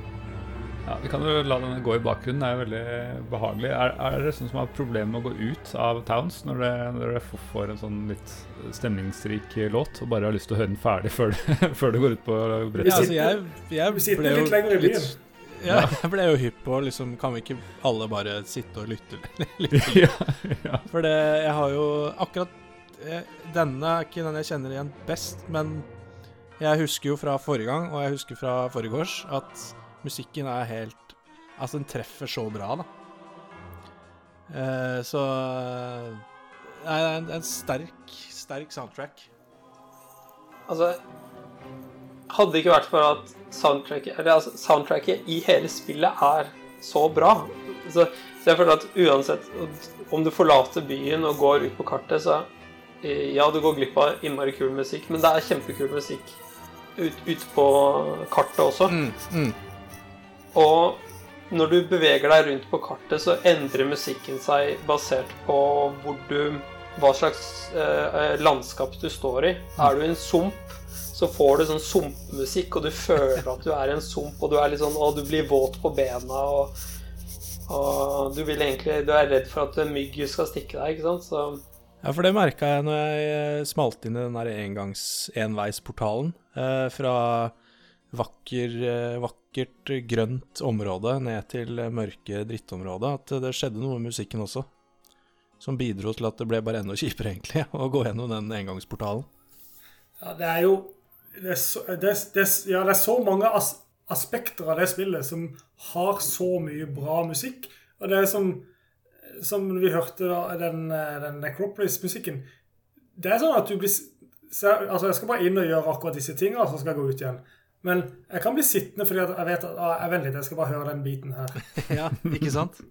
Eh, fordi at det fordi at, og det er egen musikk for hver eneste Åh, nå kommer det. Ja, Stronghold, for eksempel, som er en av mine favoritter, spesielt utover. Så blir jeg så Jeg blir så, jeg blir så heroisk. Og det er så Åh, bare, bare lytt.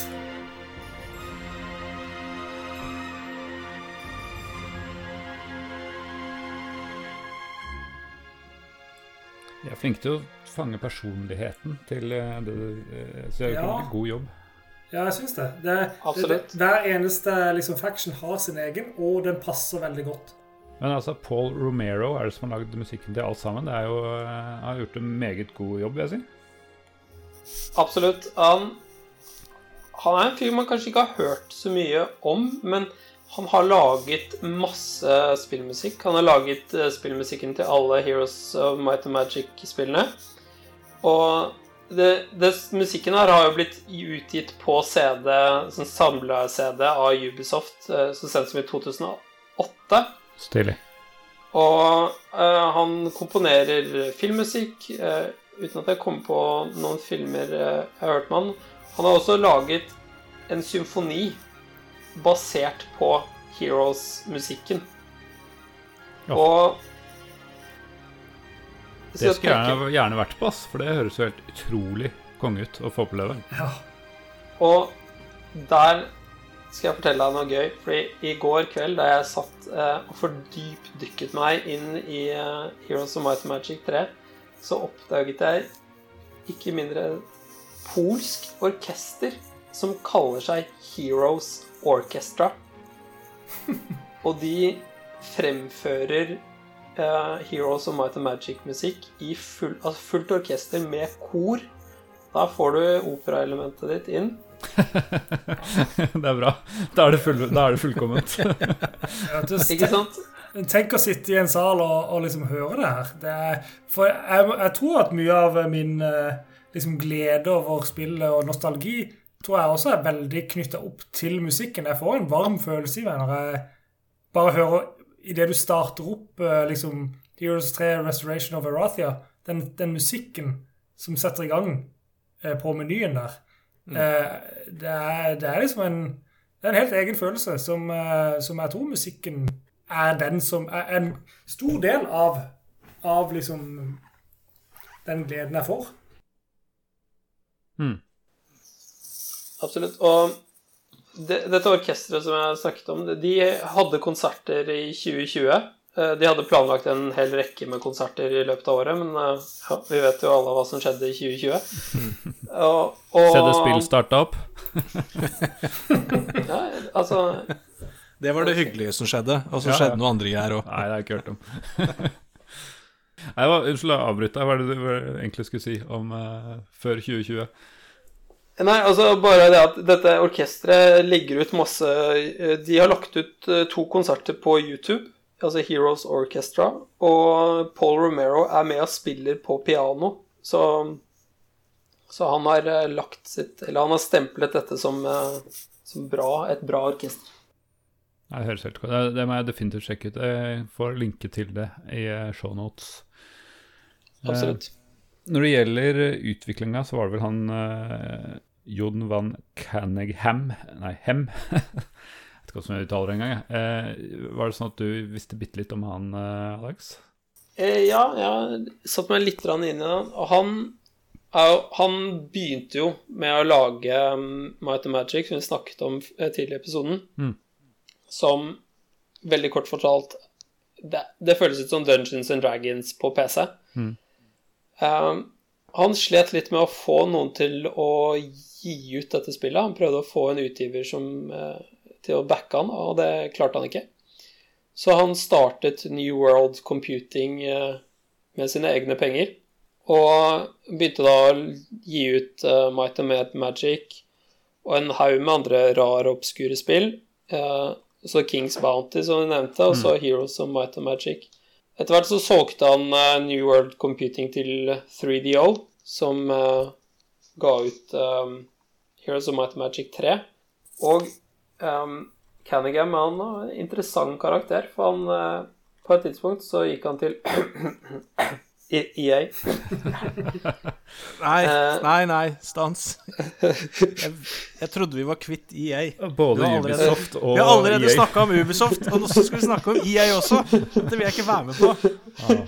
Ah, okay. Nei, vi skal, vi skal ikke være med på det. Alex. Men, men uh, han, uh, han gikk dit for å jobbe med Command and Conquer, da.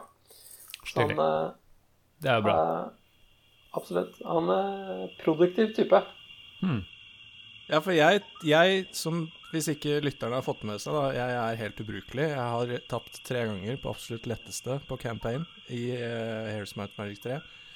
Uh, Torbjørn, kan du hjelpe meg litt? Og for, fortelle Ja. litt? Jeg skal hjelpe deg litt. Ehm, det er jo seks factions. Den du ikke vil spille med Nei, åtte factions er det, kanskje.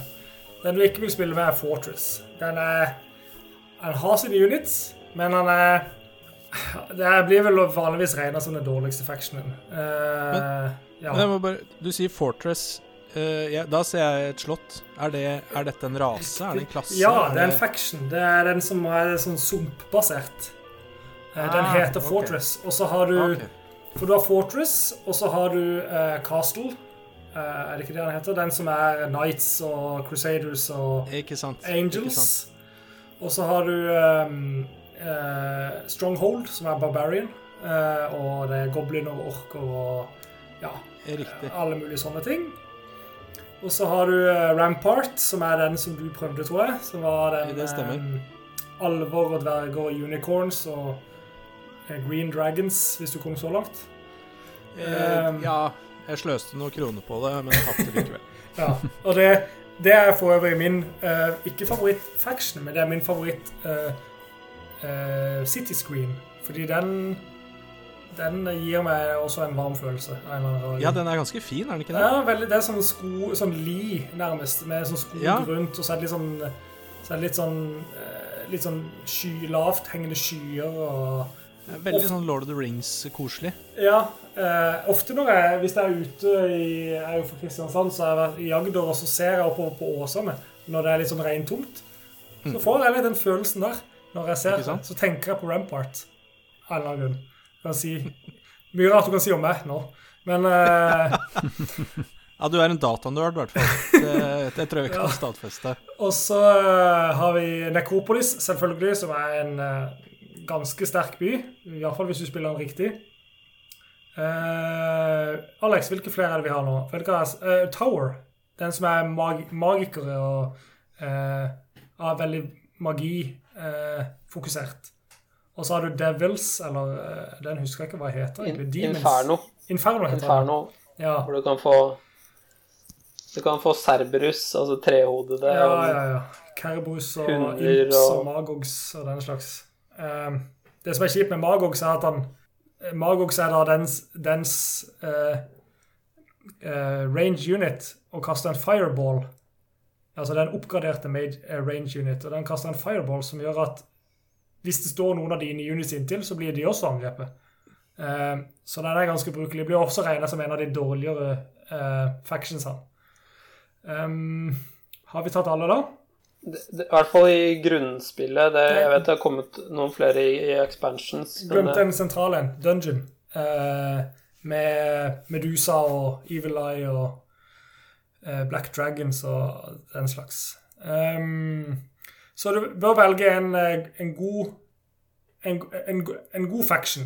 Da vil jeg si Tower, Necropolis, Dungeon, Rampart. De er gode, hva, gode hva, factions. hva, er en god, hva er en god faction?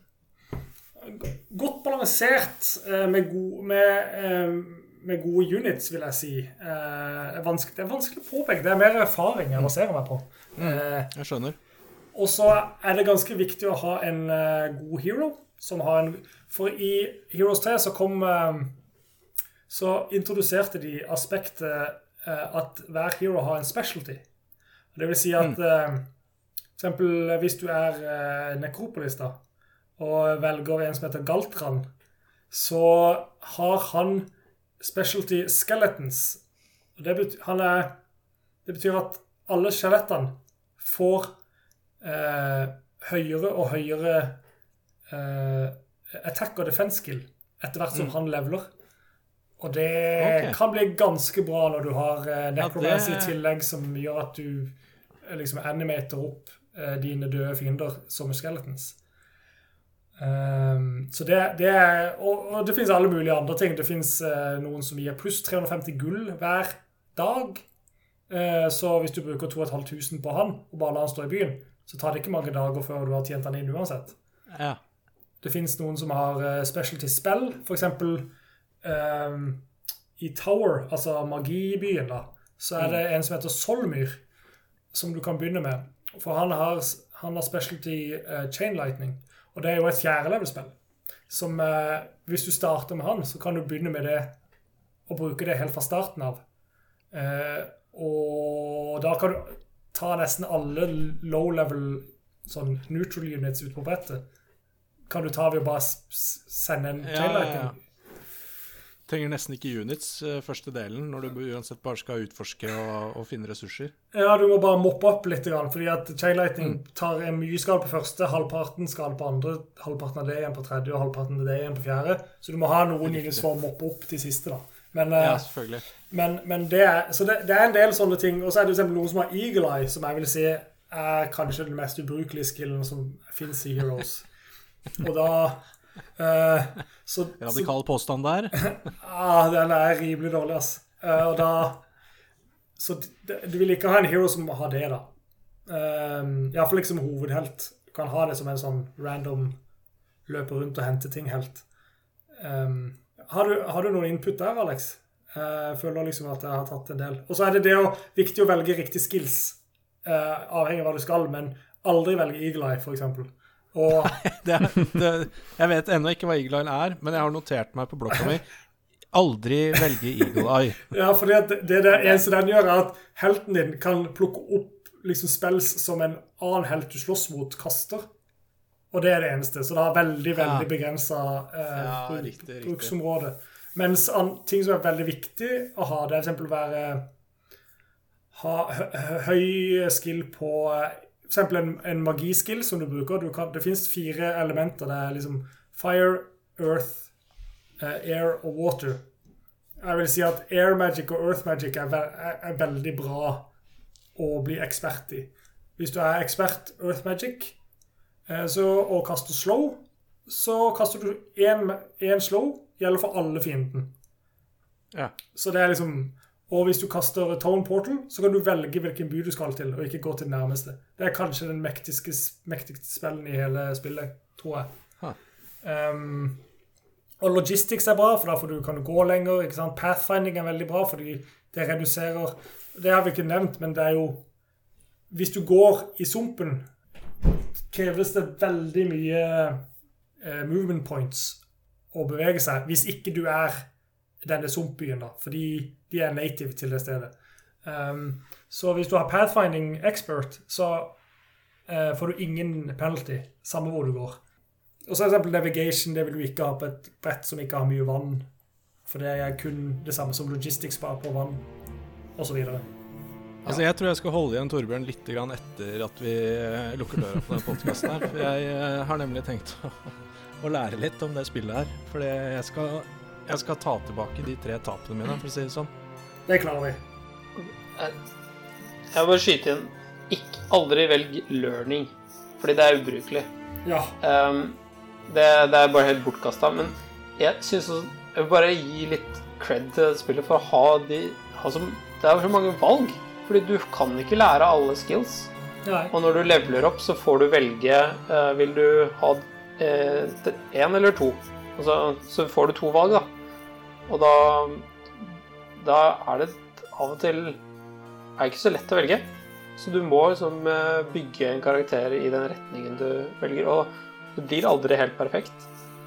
Eh, og det Ja, det, det elementet av strategi syns jeg er så, er så godt, er så gjennomført. Det er veldig godt eh, spilldesign, da. eh, Når du får valg og du har lyst til å velge begge, og du kan ikke velge begge fordi de utelukker hverandre. Det, det ser du jo for andre spill og brettspill og alt mulig rart. også. Det, det, jeg har opplevd det samme på toeren, og det er sikkert enda bedre på treeren. At, eh, at de klarer å gi deg sånne dilemmaer som du har lyst til å bare ha alt.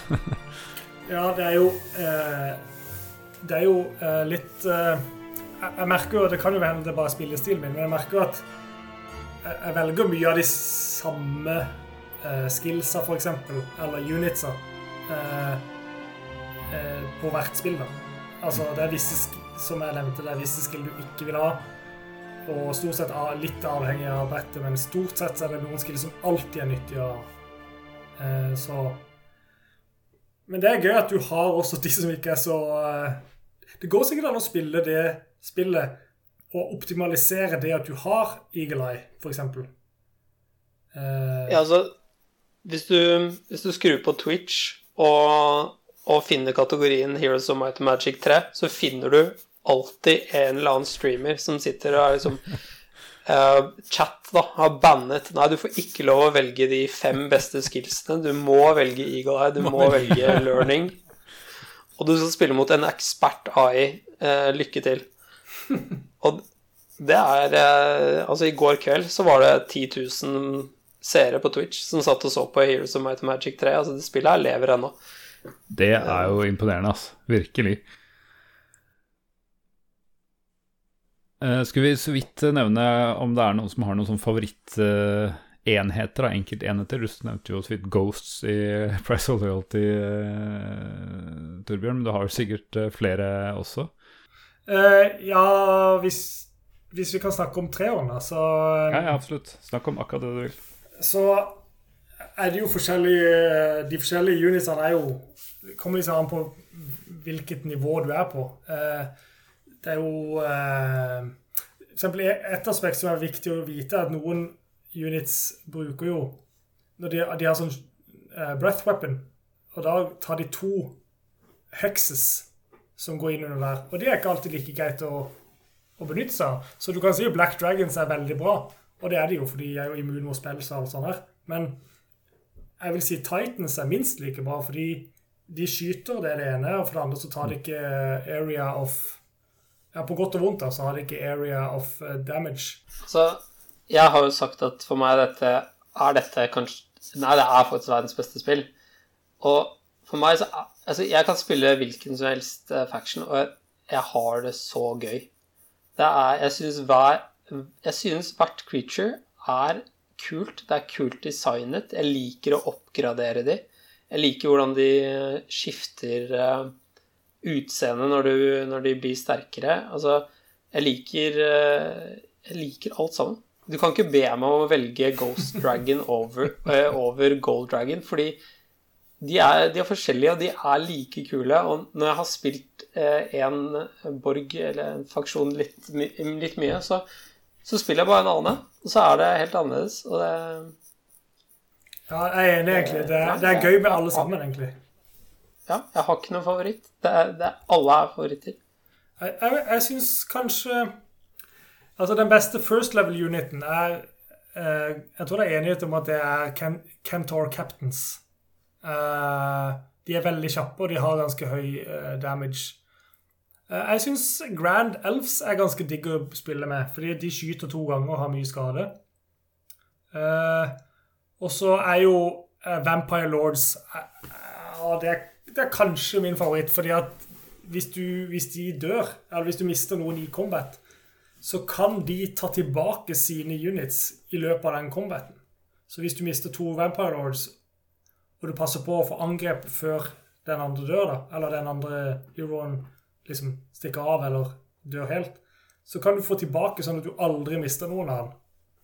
Eh, det er en ganske Vampire Lords er kule, men det, det har jo den nedsida at ikke, du kan bruke den sammen med, med levende uten å få masse penalties, da. Men hørte jeg du, hørte jeg du nevnte Kentaur som, uh, som en favorittenhet? Nei, altså som første level-enhet så er nok den kanskje en av, de, en av mine favoritter. Men det er, er førstelevel i, i, liksom First tier, kan du si. Uh, det første du kan bygge i en by, da. Ja, nå snakker, du, nå snakker, du, mitt språk, for jeg har ikke kommet lenger enn det. For jeg har nemlig Jeg har jo åpenbart ikke lang, dyp øh, og tung kompetanse innen dette spillet her, men jeg har fått meg en favorittenhet på mine tre tap. Og det er den kentauren.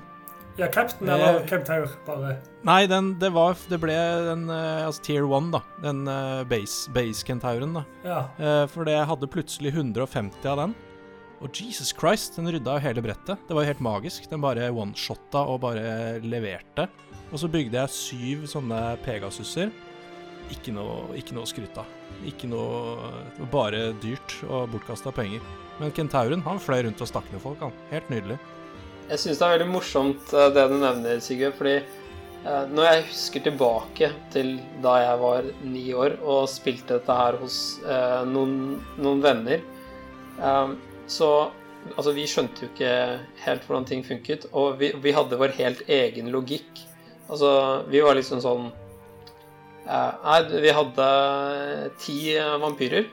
Eh, og så hadde vi 300 skeletons. Ja. Da gadd ikke vi kjøpe noen flere vampyrer. Fordi hva skulle vi med de? Vi ville nei, bare nei. ha mer skeletons. Ja, for de rydda jo brettet.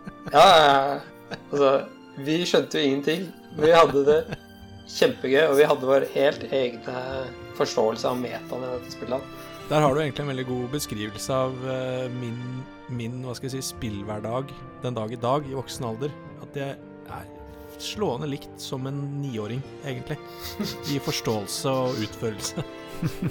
Men også i gleden over å spille, da. Ja. Det som er gøy også eh, med Heroes 3 spesielt, er jo at eh, det er veldig få av enhet av unitser som er som er kun eh, sin attack og sin damage Nei, sin attack skill og defense skill og hit points.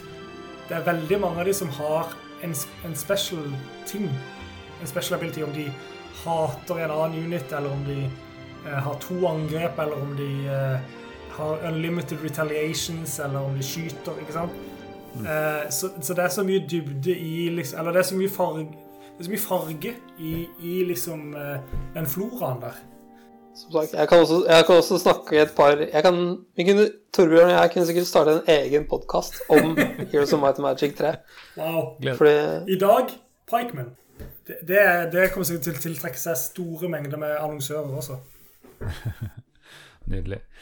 Nei, eh, vi har snakka veldig lenge. Eh, vi fikk inn to kommentarer på Facebook-siden vår også. Jeg vet ikke om du har tatt dem opp, Sigve? Ellers så kan jeg lese dem Ja, opp. det har jeg her, vet du.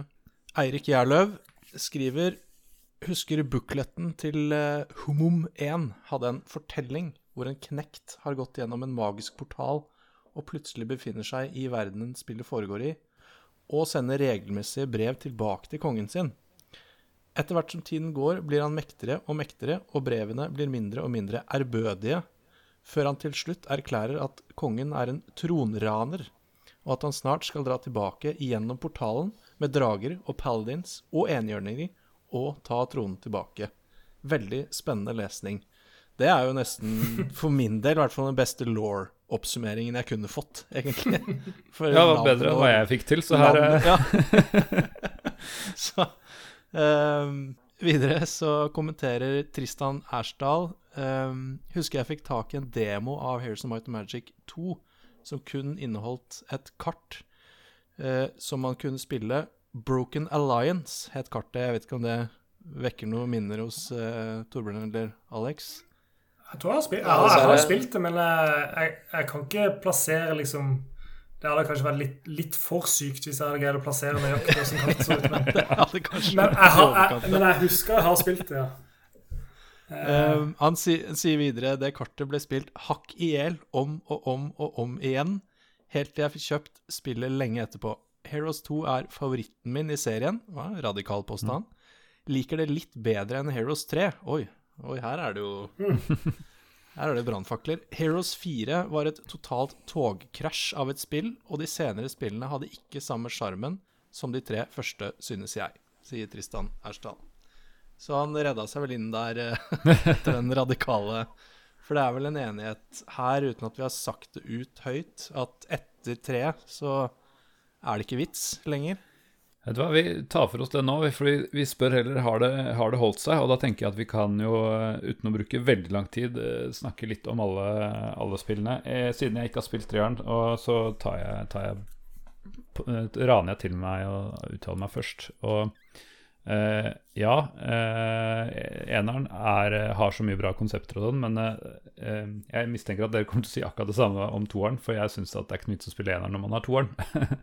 uh, fordi toeren gjør liksom alt mye bedre. Eh, men toeren derimot, det syns jeg, når jeg spilte om igjen på GOG denne uka, det, det var underholdende. Eh, det tok mye lengre tid å ta en, eh, et kart enn jeg trodde. For jeg trodde jeg skulle liksom klare en to, tre, fire missions på, på et par dager. Men jeg brukte jo mange dager på bare, bare første. Så.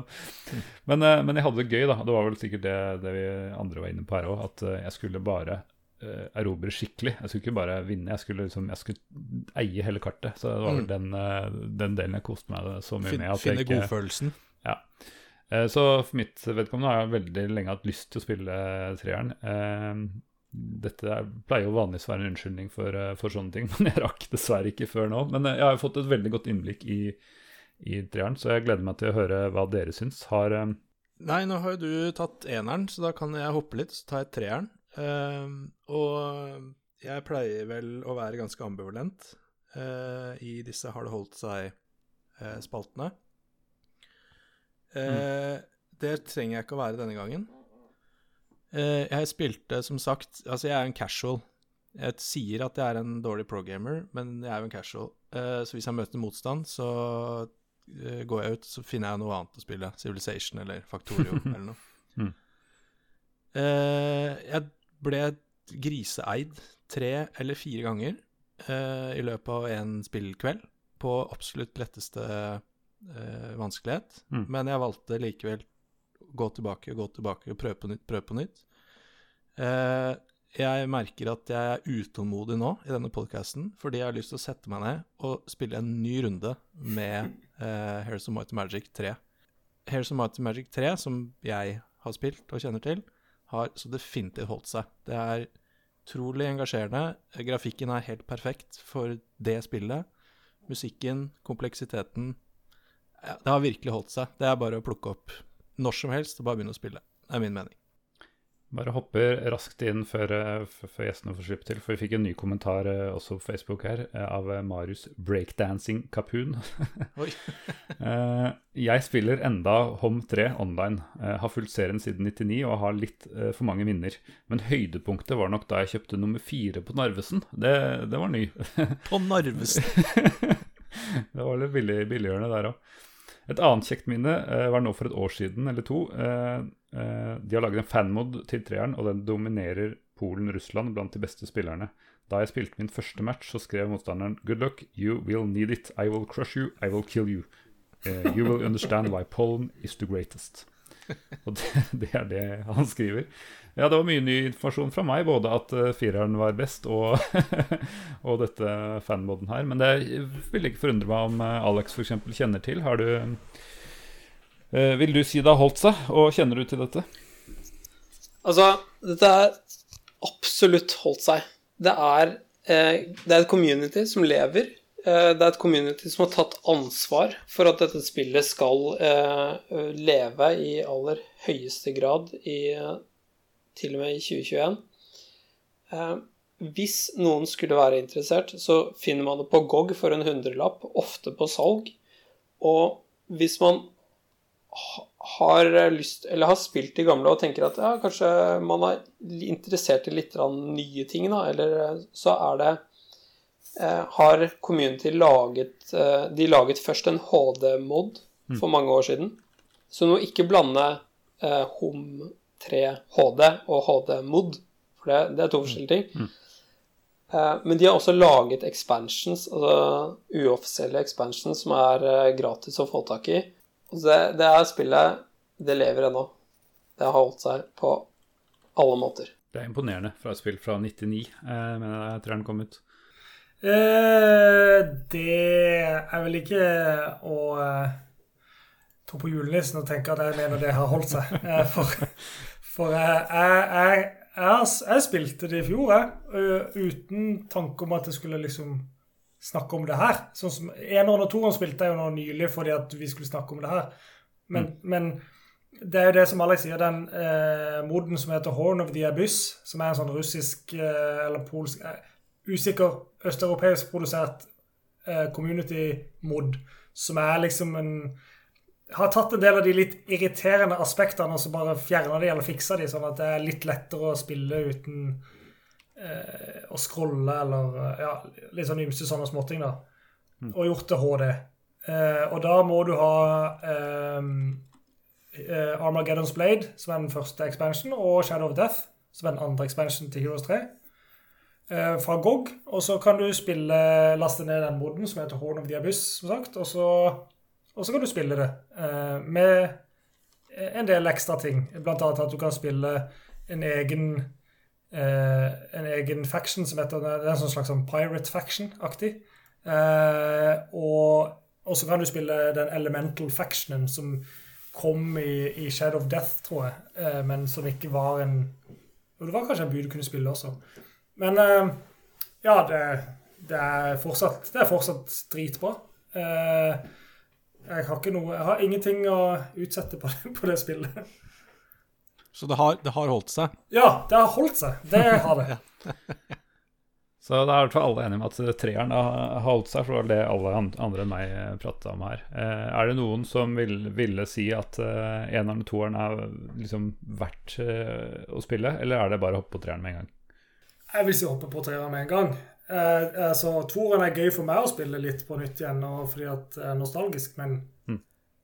men Heroes of Might Medics 3 er det- den optimale versjonen av eh, denne typen spill. Altså, jeg syns uh, eneren og toeren har sin sjarm. Det, det er gøy. Eh, men du spiller det, og så tenker du jeg skulle heller gjerne bare spilt treeren. Ja, jeg tenkte meg det, for det er sånn jeg følte når jeg prøvde eneren, at jeg heller ville spille toeren. Jeg ser for meg at det kanskje er akkurat det samme hvis jeg først hadde dyppet tærne mine nedi det tredje, tredje varianten. Eh, jeg må, Vi er på tide å runde av. Dette blir en rekord i lang episode, men det har vært en meget god prat og lært veldig mye om eh, Heroes eh, 3 spesielt. Eh, må jo si tusen hjertelig takk til eh, Alex og Torbjørn, som eh, hjalp oss eh, meget mye her. Det var en glede, iallfall for min del. Altså, det har vært eh, en drøm å komme på en podkast og snakke om Heroes of Might Magic 3. Og det, drømmen er nå oppfylt. Jeg eh, er en lykkelig, lykkelig gamer. Med de vakre ordene, det går vel ikke an å toppe det, så jeg får bare avslutte så fort som mulig. Så sier vi tusen takk for alle som lytter på også, eh, selv om dere også er i studio. eh, og så eh, blir det nytt spill eh, om to uker. Ha det bra, alle sammen. Ha det bra. Ha det Ha det bra.